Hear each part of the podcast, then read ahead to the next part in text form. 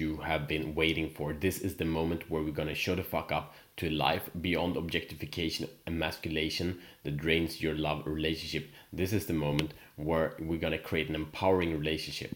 All right, this is the moment. This is the third part in this three-day series, and this is the we're gonna really look into the powerful solutions I will share one, two, three, four, five, and six different strategies with you how to eliminate emasculation and objectification, turn the juice back on, turn the passion back on, turn the sparkle back on in your wife eyes, and and the power and the foundation and the potency of you back on.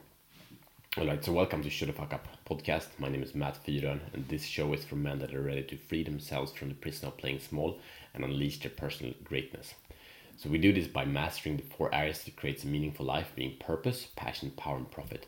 This is an episode about passion, and again, invite if you know a man who has a relationship with a woman, uh, a love relationship, he's married, or the long-term relationship, share this episode. This might save him so much pain. This might save her so much pain. This might save you know kids from mental health issues, whatnot. I don't know, but just share it and say, hey, this might be for you. I don't know. This guy told me to do it, so I just do it and they will have the same thing anyway now so it's all cool we shared, it share it share it because it's so important. Um, so the past days we started out with checking what's creating the um, the foundation to the emasculation. What's the foundation to the objectification? We shared about the stressors that happen in, in everyday life and that they come after a little bit. They come a little, after a little bit in all relationships and it's because of the lack of the awareness of the circumstance that these things happen then yesterday went through what is actually mas- emasculation, what is actually actually objectification, how does it look like, what is this vicious cycle that gets started, and today I'm going to look into the keys to overcome this destructive, this stupid pattern. And at the same time, it's stupid. It's just stupid because it's ineffective, but it's also genius because it's always, as in all behaviors, there are survival mechanisms. But in this case, most of the time we don't need to protect ourselves from the other. They are actually that our partners our, our women are actually wanting the best for us and and we want the best for her. It's just that we both fail to understand that because we communicate and see things so differently that most people think that she must be stupid she must be crazy and she must be illogical and the same thing for for her thinking about us. All right so the first key, are you ready for this? Listen, take notes, let's go. So first key, it is to understand where she's coming from. Really, we have the circumstance, we have the stress, we have the stories, we have the expectations, we have the past hurt. So everyone has a this huge story. So the circumstance is just a momentary story. Did, did the kid scream? Did the boss scream? Was the bus late? You know, these things take them into consideration. They're freaking huge. Just had a conversation with my wife today on a dinner table uh, where she she looks just looked exhausted and she like looked disconnected and I, I tried to talk to her and she kind of didn't respond. And I was like hmm what's going on? Checking the circumstances. Okay it's this time of day. She's been didn't get the break that she usually breaks it takes. So she was not in a good place. And I could recognize that give her her love and then it completely shifted. So instead of me feeling wrong we connect instead. Anyway um so understand these things. And, and also with the with the expectation meaning what does she expect from you? And when you don't do what she expects from you she gets hurt. So so this hurt is really really important because it's, it's so in all parts of of the feminine. It's all part of your woman.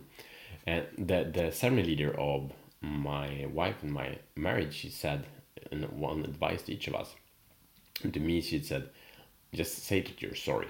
Even if you don't know what you're sorry for just say i'm sorry and and that's so powerful because it doesn't mean that we're wrong right? It doesn't mean that i take the blame for anything just i i didn't want to hurt you and i see your heart and i'm sorry that i hurt you you know? So so with the circumstance something going just say i'm sorry you know? It's a very good start in the conversation. So understand where she's coming from. Number two okay emasculation does not mean that you suck. It means that she sees your potential and she longs for you to show the fuck up with all that you have. She's sick and tired of you playing small. She doesn't want to see you in the prison of playing small anymore. So that means it's not a doubt in you it's the longing for you to be all that you're meant to be. And I believe that's exactly the same longing that you have. So she's actually really, really on your team. She's really, really voting for you. It's like, come on, man, come on. So she squishes you down for you to show the fuck up. Say, hey, I'm seeing you're playing with me. I, I see you're playing this game. It doesn't work because I love you. I know you love me, and yeah, just those games doesn't work. So see it as a not as a challenge in the sense that men challenge each other who's strongest, but as an invitation that she wants the best of you and she longs for you to be she longs for to be guided she longs to be led by your power by your insight by your inspiration. So when she emasculates you you can ask what how can i shut the fuck up in this moment? So this is just a way of changing the meaning how, how you feel crushed today and then how you feel empowered. Okay number three hold the space one of the most beautiful roles we can have is to hold the space as being the harbor in a stormy day for the boat that is our woman. So they get women get full of impressions and they need to let the steam out. Uh, it can be called like verbal pooing or whatever you want to say, but just listen, just allow her to to share um, because if you don't then she just gets overfull and then her behaviors are not the best anymore. So to create a habit where she can just express for you you can set a time limit just allow her to just give her all her thoughts and feelings and whatever and don't take it personally just be the harbor of stillness of mm-hmm uh-huh yeah okay thank you uh-huh. You don't need to ask any questions and you definitely don't need to fix any problems. Just hold the space for her. All right. Number four, create safety for her. So the basic need women are not as strong as men, meaning they are much more afraid of being harmed. So create, commit to create safety for her. Physically, mental, emotionally safety. Women are are in their system question their environment if it's safe and if they're not safe we go to the reptile brain men as well but women feel much more threatened. So make sure that you do whatever it takes so that she feels safe. And go into her body. Don't say that she's silly because you don't get her circumstance right? Point number one.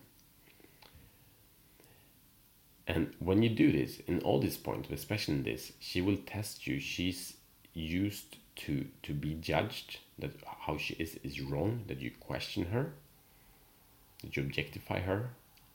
So she will test what you're seeing and again while she tests you she asks you to show the fuck up show your strength show that i can actually be relaxed with you.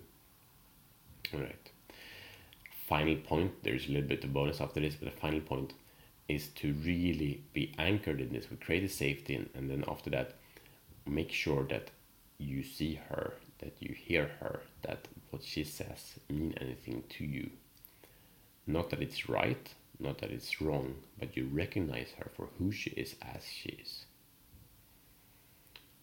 If you do these things over and over again, you will create immense connection, immense trust. It takes time because you need to break the habit of being you, and she needs to break the habit of being her in a way of being in frustration and response and and, and, and emasculation. When she feels that that's not an effective strategy, she wants more of you, she gets more of you when she encourages you, when she thanks you, you get so much further along. So finally, she will test you in so many different ways. She will never stop testing you, and it's not a bad sign.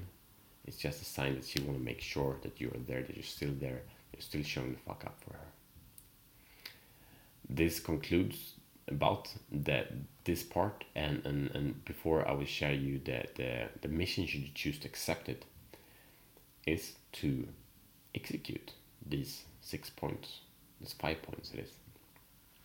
Start taking action, start taking them from the top down and see how you can create more understanding, create a better, safer space for yourself and for her.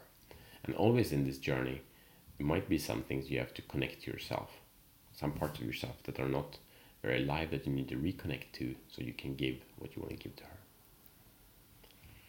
All right.